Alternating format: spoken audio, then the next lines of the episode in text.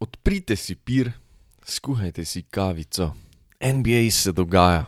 Vi pa poslušate podcast Overtime, uh, da se mal podružimo in ob basketu in ob aktualijah, ki nam caplajo sem preko Atlantika. Jaz sem vesel, če se naročite, če podcast delite, če stisnete kak falo, preberete mogoče tedensko kolumno. Linki do vsega so v opisu epizode. V novi epizodi Milwaukee Bucksov pa ostajajo dobri stari main karakteri, tako da je sezona čisto in absolutno super. Um, to jim nekako omogoča premagovanje ekip, kot so nadpovprečno jaki Cleveland Cavaliers. Kevsi so jih harali, pa so pa po polcajtu jelenčki šli na 23 proti 2 ran, torej delni izid, ki je šel za 21 točk v njihovo korist. Tak nekak ne, se zmaga tekme. Po polcajtu prideš, cel napalen in zdominiraš. Uh, Janis Antetokounmpo je z Jurejem Holidayem na igrišču preprosto bolj sproščen, boljši, mogoče nima toliko bremena. Uh, v prejšnji epizodi sem govoril, kako je mogoče malo upadel v statistiki, zadnjih pet tekem, 25 pik 14 skokov, potem pa 37, 36, 38 in 30 točk. Predvsem prosti meti na zadnjih treh tekmah 67 odstotkov, 71 odstotkov, 80 odstotkov.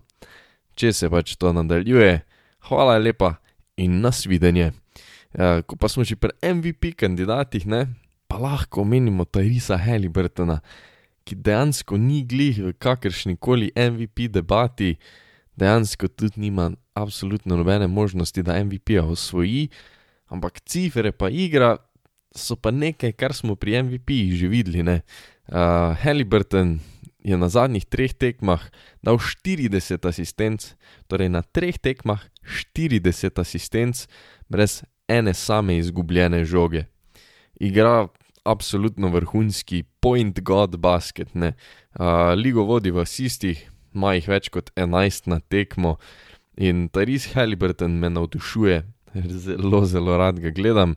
Um, Veliko se je mogoče začelo no, pojavljati primerjav s Krisom Polom, ampak Tajris je v bistvu še boljši šuter in pa res tak zelo, zelo stedi košarkar, v tem sta si z Krisom podobna. Ta moj prvi feeling je, da res ne bo nikoli mogoče 25-30 točk na tekmo dosegal, ampak bo pa en najboljših, oziroma je že en najboljših playmakerjev na svetu. Žoga je pri njemu kot v sefu, basket IQ je off the charts. Že letos v tej sezoni ima v bistvu boljšo statistiko, kot jo je imel Steve Nash v svojih MVP sezonah. To pove veliko, ne. Kar se tiče same Indijane, igrajo nadpoprečno dobro, tudi basically po zaslugi Halliburtona uh, in pa po zaslugi sistema, zaradi katerega je tudi v bistvu Tyrese lahko tako dober, so zelo naravnani na tricene, to je mogoče ta šola Rika Carlyla, ki smo jo gledali tudi v Dallasu, um, ampak so res three-point shooting team, kar potem pomeni, da v bistvu pri pick and rollu ima Tyrese veliko možnosti in v bistvu najde odkritega majstra, odkritega soigralca um, in ti več kot uspešno zadevajo. Mogoče lahko tu zdaj rečemo, pa vlečemo neke usporednice z Luko Dončičem, ne, Oba imata neverjeten pregled nad igro in tudi v letošnji sezoni razlika med njima je le, da Tyrese Halliburton meče žoge majstrom, ki kaj zadanejo, predale so pa ne trofijo morja spomola. Kar se Pacersov tiče, so imeli eno zelo, zelo seksi tekmo in eno zelo, zelo seksi potezo. Ruki Andrew Numhart je vrgel game winnerja proti Lakersom, LA je v zadnji četrtini vodil za več kot 15 točk. Pacersi so prišli nazaj in strico premagali zlato vijolične iz Los Angelesa. Tako da Indijana je mlada ekipa, zanimiva ekipa in imajo enega najboljših organizatorjev igre, dobesedno na svetu, že v tem trenutku pa je star šele 22 let. Uh, naslednja ekipa, tu lahko menimo tudi mogoče LA Clippers um, in njihovo preprosto globino, zaokroženost. Za vikend Ivica Zubac, 31 točk in 29 skokov. Uh, res škoda, no, da mu ni uspelo priti do 30-30. To mu ni uspelo, ker je par minut do konca tekme foul avto, torej ni mogel več igrati, ampak neverjetna tekma igralca, od katere je mogoče ne bi pričakovali. Uh, potem Norman Powell je tudi zdaj parkrat dosegel preko 30 točk. To je mogoče samo tista črta pod to ekipo. So izjemno, izjemno globoki in pač Pavel ne bo rabo delati 30 pik, tudi jih ne bo redno delal, tudi jih ne dela redno, ampak ko naprimer ni Kawhi Leonarda, ko ni Paula Georgia, stopi nekdo na sceno, bodi si je to Pavel, bodi si bo to Reggie Jackson, bodi si Nikola Batum, Morris, kdorkoli, imajo možnosti, imajo priložnosti in izkoriščajo jih. Ko pa govorimo o globokih ekipah, ki pa ne izkoriščajo priložnosti, ki so jim pripravljene, pa se hitro lahko sprehodimo po Teksasu, hitro se znajdemo v Dallasu in hitro stopimo v dvorano Dallas Mavericksov. V zadnjih dneh se veliko govori o tem, kako v modro-beli dres prihaja Kemba Walker. Uh, Kemba je večkratni All-Star, Kemba je bil en izmed najboljših organizatorjev igre v ligi.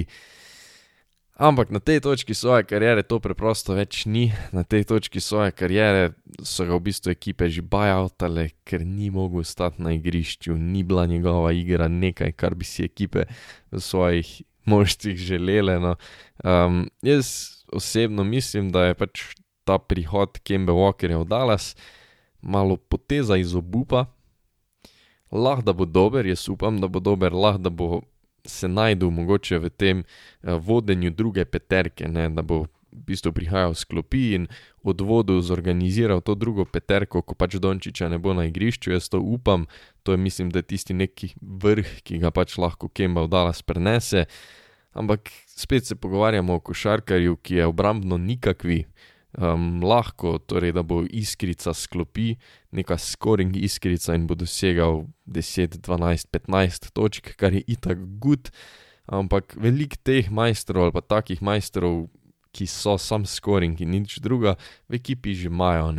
Um, je pa mogoče res, da torej jim manjka pri tej drugi peterki malo organizacije igre, glede na to, da Spencer Dinwiddie veliko igra z Dončičem, no, um, in se mi zdi, da to je pa pač tisto, kar bi lahko prenesel. In če bo nek playmaker sklopi, hvala Bogu, to potrebujejo.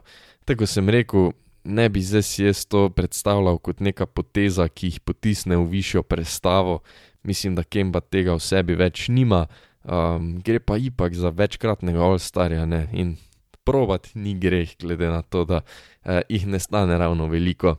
Ker ekipa nadaljuje s tem, da je toplo, hladna in predvsem malo mlačna.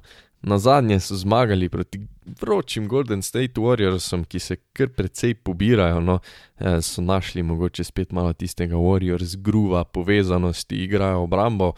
Na tekmi proti Golden Stateu je Luka Dončić vnovič presegel 40 točk in dodal 12 asistov, 12 skokov kaj sploh še reči.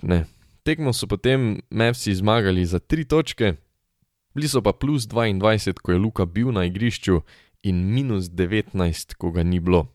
Teh minus 19, ko Donketa ni bilo na igrišču, se je zgodilo v devetih minutah. To vse pove o globini zaokroženosti kadra in pač o nesposobnosti te ekipe, ko pač Dončiča ni na igrišču. Ne? In še enkrat se sam dokazuje, da uh, če Luko iz te ekipe vzameš, to verjetno niti playoff ekipa ni ali pa zagotovo ni playoff ekipa. Kaj me skrbi in to je res pač več kot očitno, je, da preprosto nimajo three-point shootinga.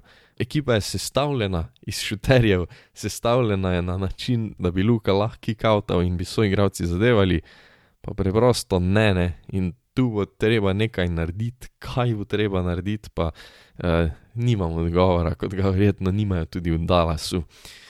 Še ena zvezda, ki pa je ne bo nekaj časa na igrišču, pa je Karl Anthony Towns, ki se je poškodoval, ima natrgano mečno mišico in ga na parketih ne bomo gledali vsaj 4 tedne, časovnica odsotnosti pa naj bi se gibala med 4 in pa 6 tednov. Mene tu kar interesira, kaj se bo zdaj zgodilo, če bojo žogo preprosto dali v roke Antonija Edwardsa, pa sam rekli, zdaj pa gremo, um, če bo to mogoče Goberja malo odklenilo, ker ne bo več imel neke prostorske stiske, ne bo imel več še enega centra ob sebi. V tej ekipi se zdi, da, da preprosto ni povezanosti, da ne čutijo drug drugega. Uh, vsaj meni se zdi, da si gre ta Anthony Edwards, pa Karl Anthony Towns malo na živce in s tem, ko že zdaj v bistvu ne igrajo ravno dobro, zdaj glavnega zvezdnika ali pa enega glavnih zvezdnikov, pač vsaj en mesec, verjetno dva ne bo na igrišču. To ne vpliva dobro na kontinuiteto, na razmišljanje o igri, na učenje za igro drug ob drugem. In uh, mislim, da so tako kar veliko problemov. No. So se pa v problemih znašli tudi Utah Jazz. Trenutno so na nizu petih zaporednih porazov, po res vrhunskih, vrhunskih predstavah na začetku sezone. To je za vprašanje, se pravljica Utah Jazza končuje. Jaz mislim, da ne čisto, jaz mislim, da se bojo še dvignili, da bojo še nihali. Ja, mislim pa tudi, no, da pravljica nikoli več ne bo imela tako dobrega konca, kot je to kazalo čisto na začetku. Zakaj so na nizu petih zaporednih porazov? Velik del lahko pripišemo temu, da pet tekem ni Majka Konlja. To sem jaz mogoče nekako nakazal na začetku, takrat, ko so začeli harati.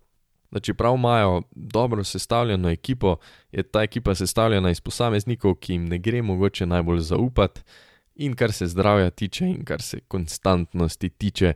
Um, in ja, no, cela peterka deluje, ko so pa main karakteri out in main karakteri tega filma so veliko krat out, pa to preprosto ni več romantična komedija.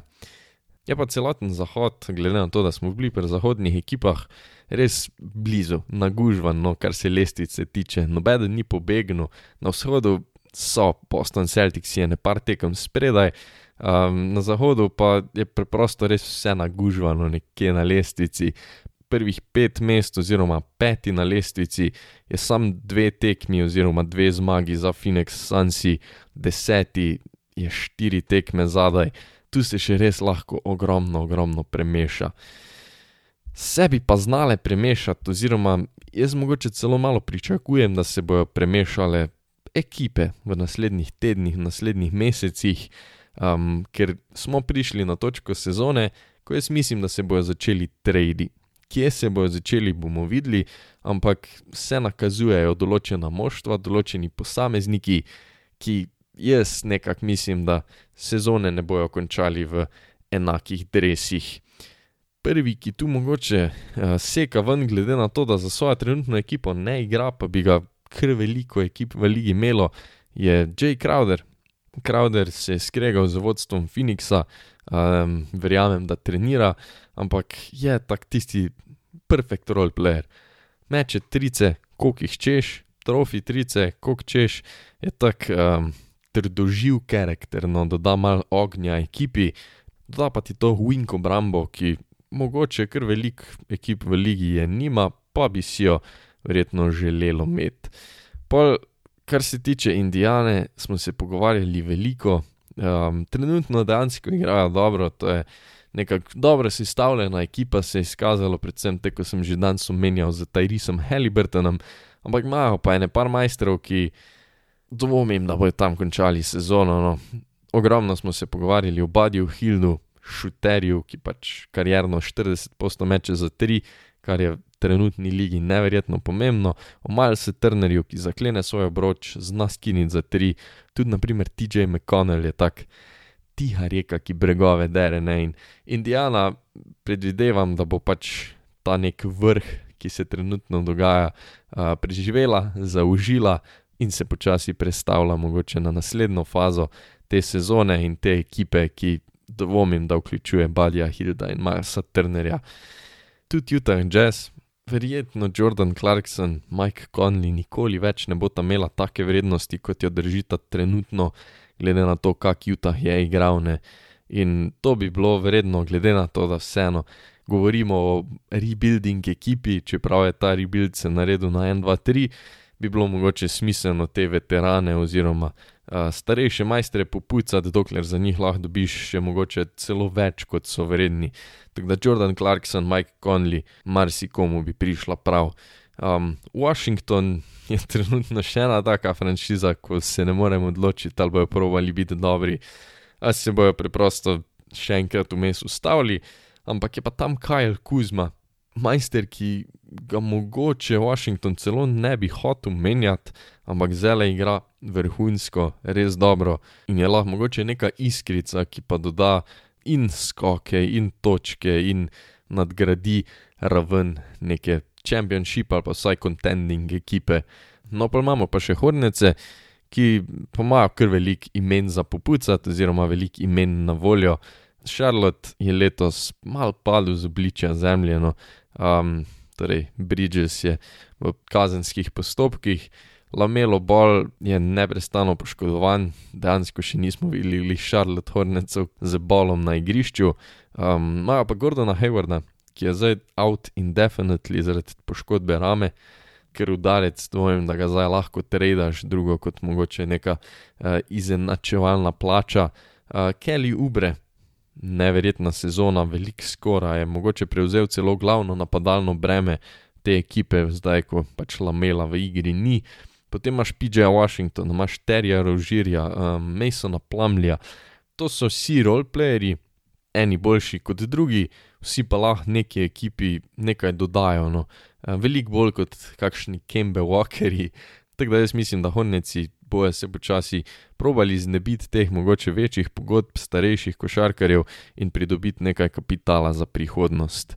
Um, in to so bili samo eni primeri košarkarjev, ekip, ki bi lahko pač delale spremembe, pa imamo pa ekipe, ki rabijo spremembe tako, da nekaj pripeljejo. Medtem ko bojo te ekipe, ki sem jih zdaj našteval, pač verjetno posamezne majstere odposlale.